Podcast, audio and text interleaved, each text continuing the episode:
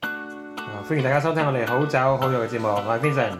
係 Bernie，我係 Aggie，我哋仲有其他朋友啊，有呢個 W 先生、神秘嘅哦神秘先生，唔好講全名啦。佢而家仲雖然佢有講過劈炮嘅，講咗好多年嘢，但係費事啦，費事令到呢個咪做過一次咯，嗯係啦，我都想劈 炮嘅，係咪啊？身高良準，新過呢個呢個係某酒公司高層，我哋一陣先傾下佢啲佢啲神秘誒酒公司內幕嗯啦。咦，我哋講下新聞先啦。個講新聞，今日啊近排有好多人誒離奇死亡啦，咁啊我澳洲都有嘅。澳洲有一個誒、呃我哋酒界嘅一位幾幾傑出嘅人物啦，叫做 Doctor Tony Jordan。誒、佢就近排就離世咗嘅，九月就離世咗。咁佢係一個誒、呃澳洲都係一個幾出名嘅人咧，因為佢係成立 Domain Chandon 嘅一個嘅始創人。咁佢喺酒界入邊對呢、個誒、呃 Sparkling Wine 對澳洲嘅 Sparkling Wine 貢獻都非常之多。咁所以咧，佢喺九零年代就已經攞咗呢個 OAM 就 Order of Australia。嗯，亦都係佢住喺 Yarra Valley 啦，到最後，嗯、就即係佢咩都做嘅，就係做好即係好 technical 嘅人啦。但係當然你話誒、嗯你話飲酒啦，啊但係好奇怪佢係 Missouri f i l i a m a 死嘅喎，嗯。即係同呢嗯個石面可能有關嘅，可能咁佢嘅貢獻啊，唔淨止喺澳洲嘅，咁佢係近期一個臨臨去之前咧，都喺佢 LVMH 嘅 Empire 入邊嘅歐元奧運係咪奧運？奧奧運啊運嘅酒莊咧，佢都有有份去成立咗一個 technical consultant 嘅，得佢對祖國都有貢獻噶嘛。嗯唔知啊，可能佢唔死過，可能呢個十一國慶都有佢份。係中國成多啊嘛，係咪中國成都唉十一國慶啊呢家嘢啊，唉離奇死亡啊，其實冇好多嘅。我哋唔好講啦，我哋講撞酒算啦。咁嗱嗱，講起十一國慶啊，咁樣慶祝中國人慶祝飲酒啊，當然有紅酒啦。咁、即係而家中國賣得最行嘅澳洲紅酒都係嗰個 P 字頭嗰個牌子啦。咁其實你話經典嚟講，嗯除咗 P 字頭之外，澳洲有邊啲酒莊係真係歷史好悠久嘅？即係除咗 P 字頭啦，我哋介紹咗幾個，都都算係老牌啦。老牌咁啊，有 number 啦，有 number。Samuel Smith and Son 係澳洲最大嘅 family owned winery，一百七十五週年啊一啦百五十年。之後另外一個我哋試下就係呢個 Earing Station 啦，就傳説中澳洲 first working winery 啊嘛嗯，亦都係 Yarra 因 Valley 係咪？ Yarra Valley ，Australia 一八 Australia 係一八六一年啊嘛，係一個有歷史好悠久嘅酒莊，佢係第一個贏海外贏到金獎嘅酒莊，哦個莊嗰個 Vineyard 唔係佢嘅嗰陣時，係啊。係啊 O K，係個 Vineyard 咁我哋都講下第三個啦，Lindemann 嗯，其實家傳戶曉喎呢個都係。 Rosemount。 a r o s e m a Rosemount a r o s e sorry，其實都係差唔多嘅啫。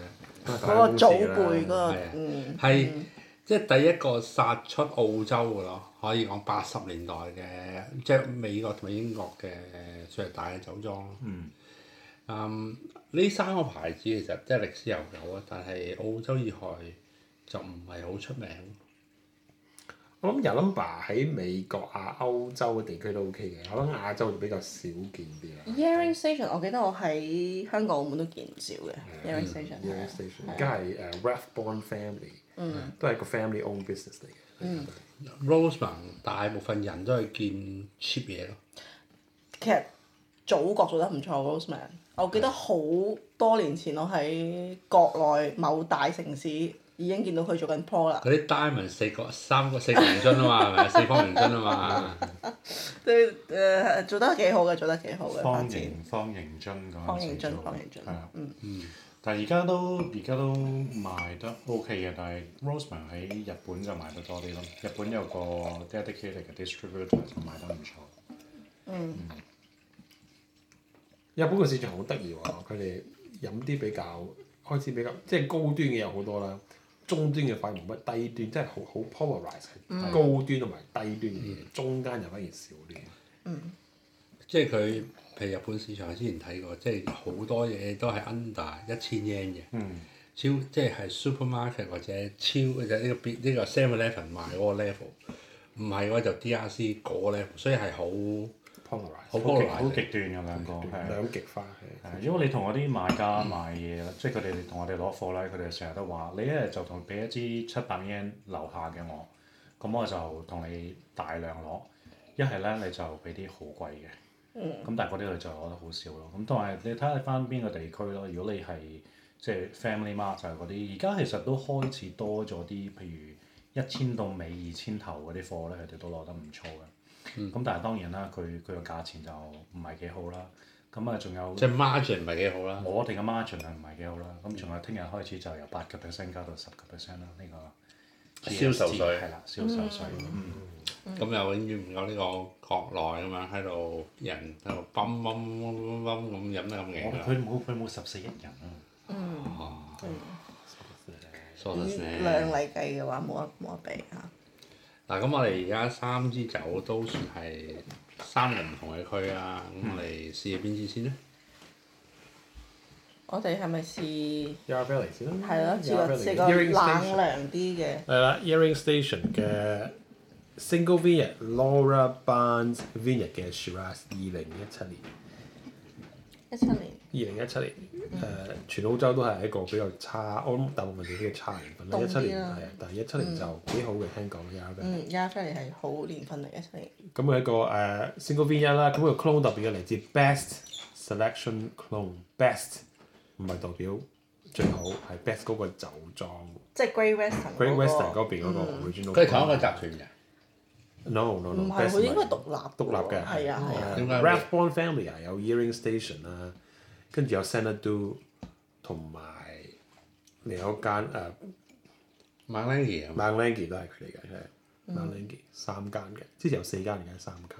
嗯咁佢嗰個 yield 係 one ton per acre，哇好低喎，咁就係好低嘅，好所以低嚟喎。講係 fine wine 嚟嘅呢個。咁就試下呢個啦。呢個誒 retail 幾多錢啊？好貴嘅呢個，呢個好貴啊可能！Single vineyard 喎嗯六十蚊呢嘅可能，應該六折頭五六十啦。啦，因為我喺某呢個大呢個啊阿阿丹爺度見嗰啲差唔多嘅，好似六十蚊嘅，個係咩？係啊。所以買得呢啲酒嘅人咧，又靚仔又闊佬，唉，有唉，錢真係你識到呢咁嘅朋友真係係啊，係朱公子帶嚟㗎嘛呢支酒。哇租咗阿朱總，阿朱總大。 啊！阿朱總都錄緊嘅話，朱總係呢個讀緊二誒呢個誒讀緊二級嘅朋友係啊，WSET 係啊係 level two 啦，喎，係我同佢我同阿朱總講㗎，二級就即係好似啲人睇嘢，因為睇開二仔就睇三仔，睇完三仔就睇四仔㗎啦。不停 upgrade 自己，有有五仔挑喎，戰極限。誒真係有五仔，有有有五仔有五仔。 by 四 thesis 啦四四仔先啦。我我尋日問，我尋日問嗰個誒讀緊 N W 嗰位前輩，我就問佢西面要幾多錢，佢就話好貴。我想去買一層樓，差唔多，你預買一層樓去讀 啦。睇幾廿萬澳你讀紙睇你讀幾耐啦，有幾耐啦？佢讀咗收咗成十年，大佬我。咁咪要啦，屌佢讀佢咗收咗成十年，係啊，咁啊，同阿 K 一樣，K m c i n t 都攞十年，係啊，係啊，好學不倦，之後同佢講係啊啦。嗰個老豆有錢。呢個中華會一考一個人中佢華裝會住考喺個十女嘛，年。嗯大佬係。我聽講佢嗰陣時有個 group 噶嘛，叫做有個 group 係幫叫叫咩 Help Kids to Pass Pass MW 嘅 group，就係啲 Y Maker 就係每個月同佢泵佢去 training 嘅嘛，冇佢 pass 咗啦，得到我十年， 真係我哋都冇啦，我哋靠自己十人。年啊，十年 青春啊！嗯嗯，都係好 elegant 呢個 Shiraz，嗯，有少少 smoky，開始有少少我拎搣佢字，幾浪嘅，嗯好 juicy 啦個嗯，酒，好多 fruit，好 high acid。阿啊朱公子嗱，就你帶嚟嘅，講兩句啊。誒呃我都真係覺得佢好 finish 真係好好，好嗯都 long 嘅真係都 long finish。咁係學阿 Vincent 講真係 fruity，誒 medium to high tannin 啦，可唔可以咁講？啊 medium 嗯 medium 係咯 medium ，medium 啦 medium ，medium 我都覺得 fine 滑 fine 嘅 fine silky tannin 嗯係快啲讀三快啲讀三級啊 pass medium medium OK，好 medium plus ten 嗯 m i acid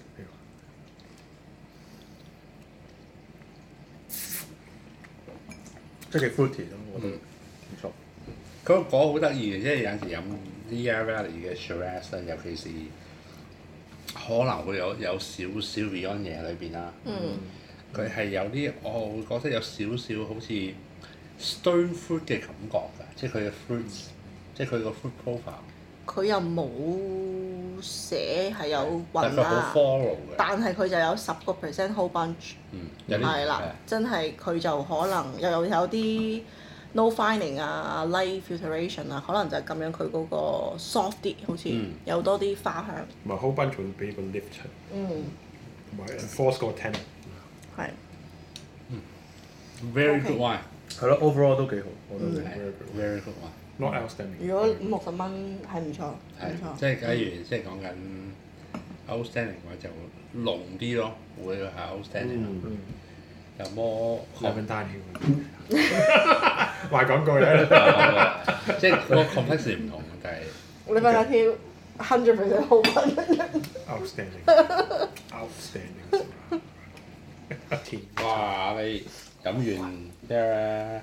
依家飲完呢、個呢、個 Earing Station，試下呢個 Rose b 我哋 W 先生帶嚟嘅嘢，嗯，介紹下，介紹下呢啲係意外中嘅意外嚟。好嘢嚟㗎呢個，好經典澳洲嘅，應其實應該係一個澳洲嘅 classic wine 嚟嘅。冇錯。咁同埋呢一個樽咧就平唔係平時嗰個樽嚟嘅，嗯，因為咧話説咧個古仔就係有條友有一日咧就撳錯掣， 咁就撈咗一批唔啱嘅樽落嗰條 production line 嗰度，嗯係啦，咁就入咗樽啦。咁點算咧？咁我哋就坐低傾下啊，都係要賣咗佢嘅喎。係啦。咁啊黐個唔同嘅 label 上去，但係入邊啲料就一樣嘅。嗯，咁就仲有製作咗冇呢賣啊樣嘢出嚟。而家冇啦，而家賣晒啦。哇！一三年都仲係好深色喎，呢個就嗯係啊， Maclaren Roseman Limit Release Shiraz。其實係 B 字頭嘅，應該係，但係 O 誒、 K，咩叫 B？好酒嚟都係咩叫 B 字？ Belmore，哦，係咩？嗯，哇！我啲 clean skin 個嗌喎，個 bottle。啲 clean skin 都 OK 啊，上次。哦，好飲喎。好飲啊好好飲。即係仲有冇啊當當 當啲嘢係由六十零蚊跳樓貨跳到落三十零蚊咧，又或者有啲廿五又或者廿五啊五十零蚊嘅 Grand Cru 咧，大家都覺得佢好飲。啊或者或者啲一百蚊嘅嘢廿五蚊咧，誒少五 U 嗰啲咧，我冇所謂嘅啲嘢。或者 label 刮花咗嗰啲咧，半價好多呢啲嘢嘅喎。冇問不過咧題，冇問題。嗰日有啲人咧同我講啦，咦，我哋有批誒，光顧即係嗰啲 P 字頭嗰啲咧， 即係好多 number 嗰啲咧，佢話誒嗰個嗰個誒誒個 forklift 斜咗跌咗幾箱落嚟，係咁下邊嗰啲咧就有啲有個 label damage 咗 stain 咗，咁我話咁你幾多錢啦？我話仲有三零蚊，三零蚊殺 全家，三打，搶音，全家，但好我嘢要，包起來。但好嘢嚟講 m c l a r e l 做咧，好濃，好 chocolate。嗯，最後一支冇啦，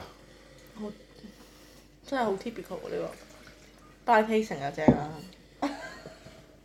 花生成會俾啲咁嘅嘢嘅考試唉， 可能比賽會有咧，唔知你。講下你之前去嗰個墨爾本嗰個盲品比賽，麻其俾實係啱啱啱尋日嘅咋，我仲會嘅，唔係唔係唔係唔係，即係 open 嘅 open 唔嘅。係做冇去內定啫。唔係唔係唔係，咁咁啱咧，佢贏今年贏嗰個咧係上年嗰個贊助，真係唔知係咪真係咁啱得咁巧。我哦即係上年贊助嗰個人，而家今年贏哦今年咗贏咗，但係就 冇，但係就冇內定嘅。冇哦冇冇明冇冇冇冇咁明今年邊白。個贊助啊？今年有個叫做誒 Waterview 係一個 Bendigo 嘅 Bendigo，咁我哋贊點助會贏啊？出可能出 大家嘅。拭目以待。但係我唔知道佢佢今年我完全連嗰個人都冇見過，所以我都唔知佢係即係純粹可能係真係出名出錢俾人又買咗咩 w a t 出，俾中國酒莊買咗咩？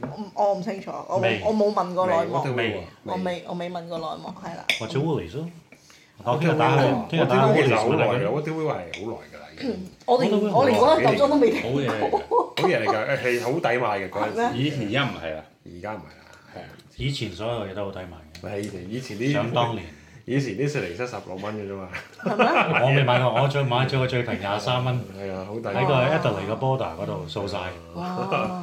以前三百九三十蚊度嘅啫嘛，哇！講幾年前啊，以前好耐以前嘅事啊啦。 Oops, sorry，零零一年度啦，零一年，都係廿年前啫嘛。嗱，講翻呢個不過就啦，係小朋友呢個你嘅呢個 blind tasting 點啊？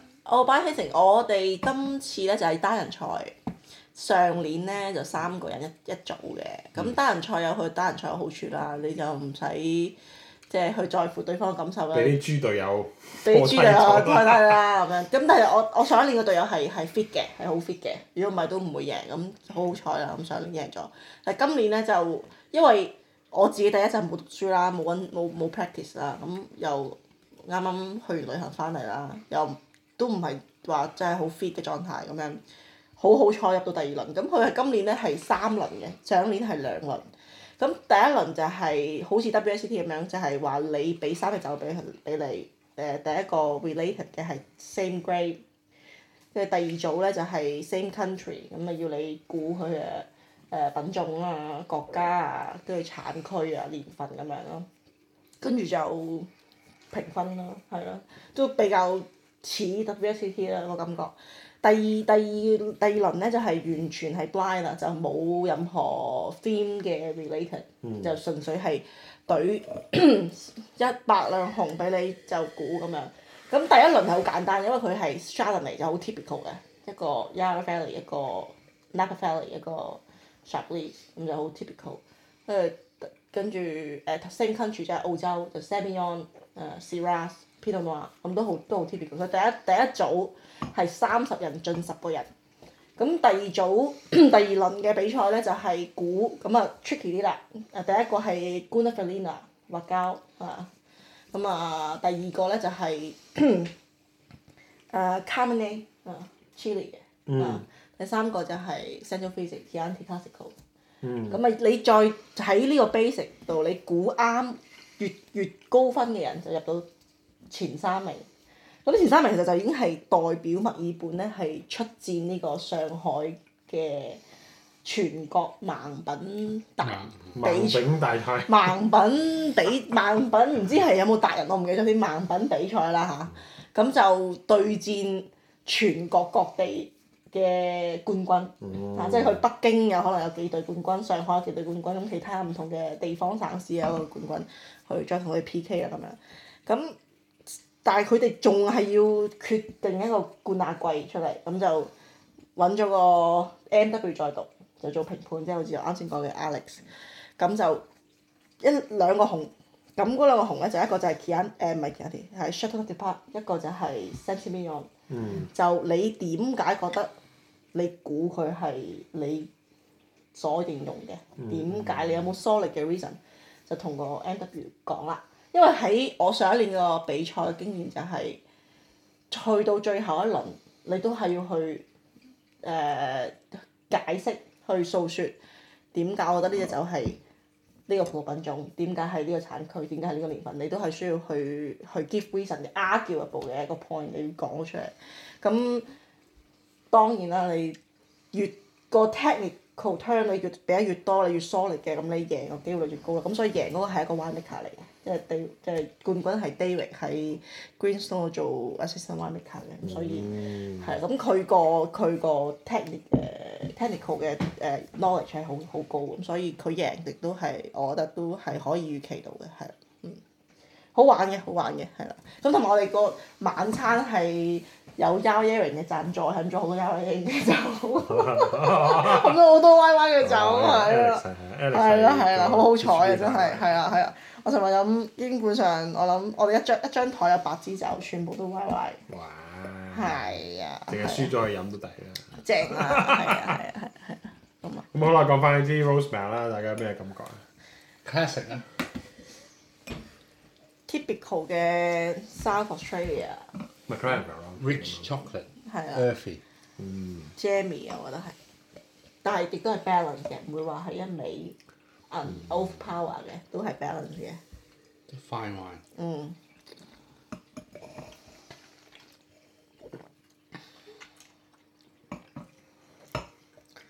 佢呢度就寫 ten months in a combination of French and American oak，係甜嘅，有好多甜嘅 baking spice。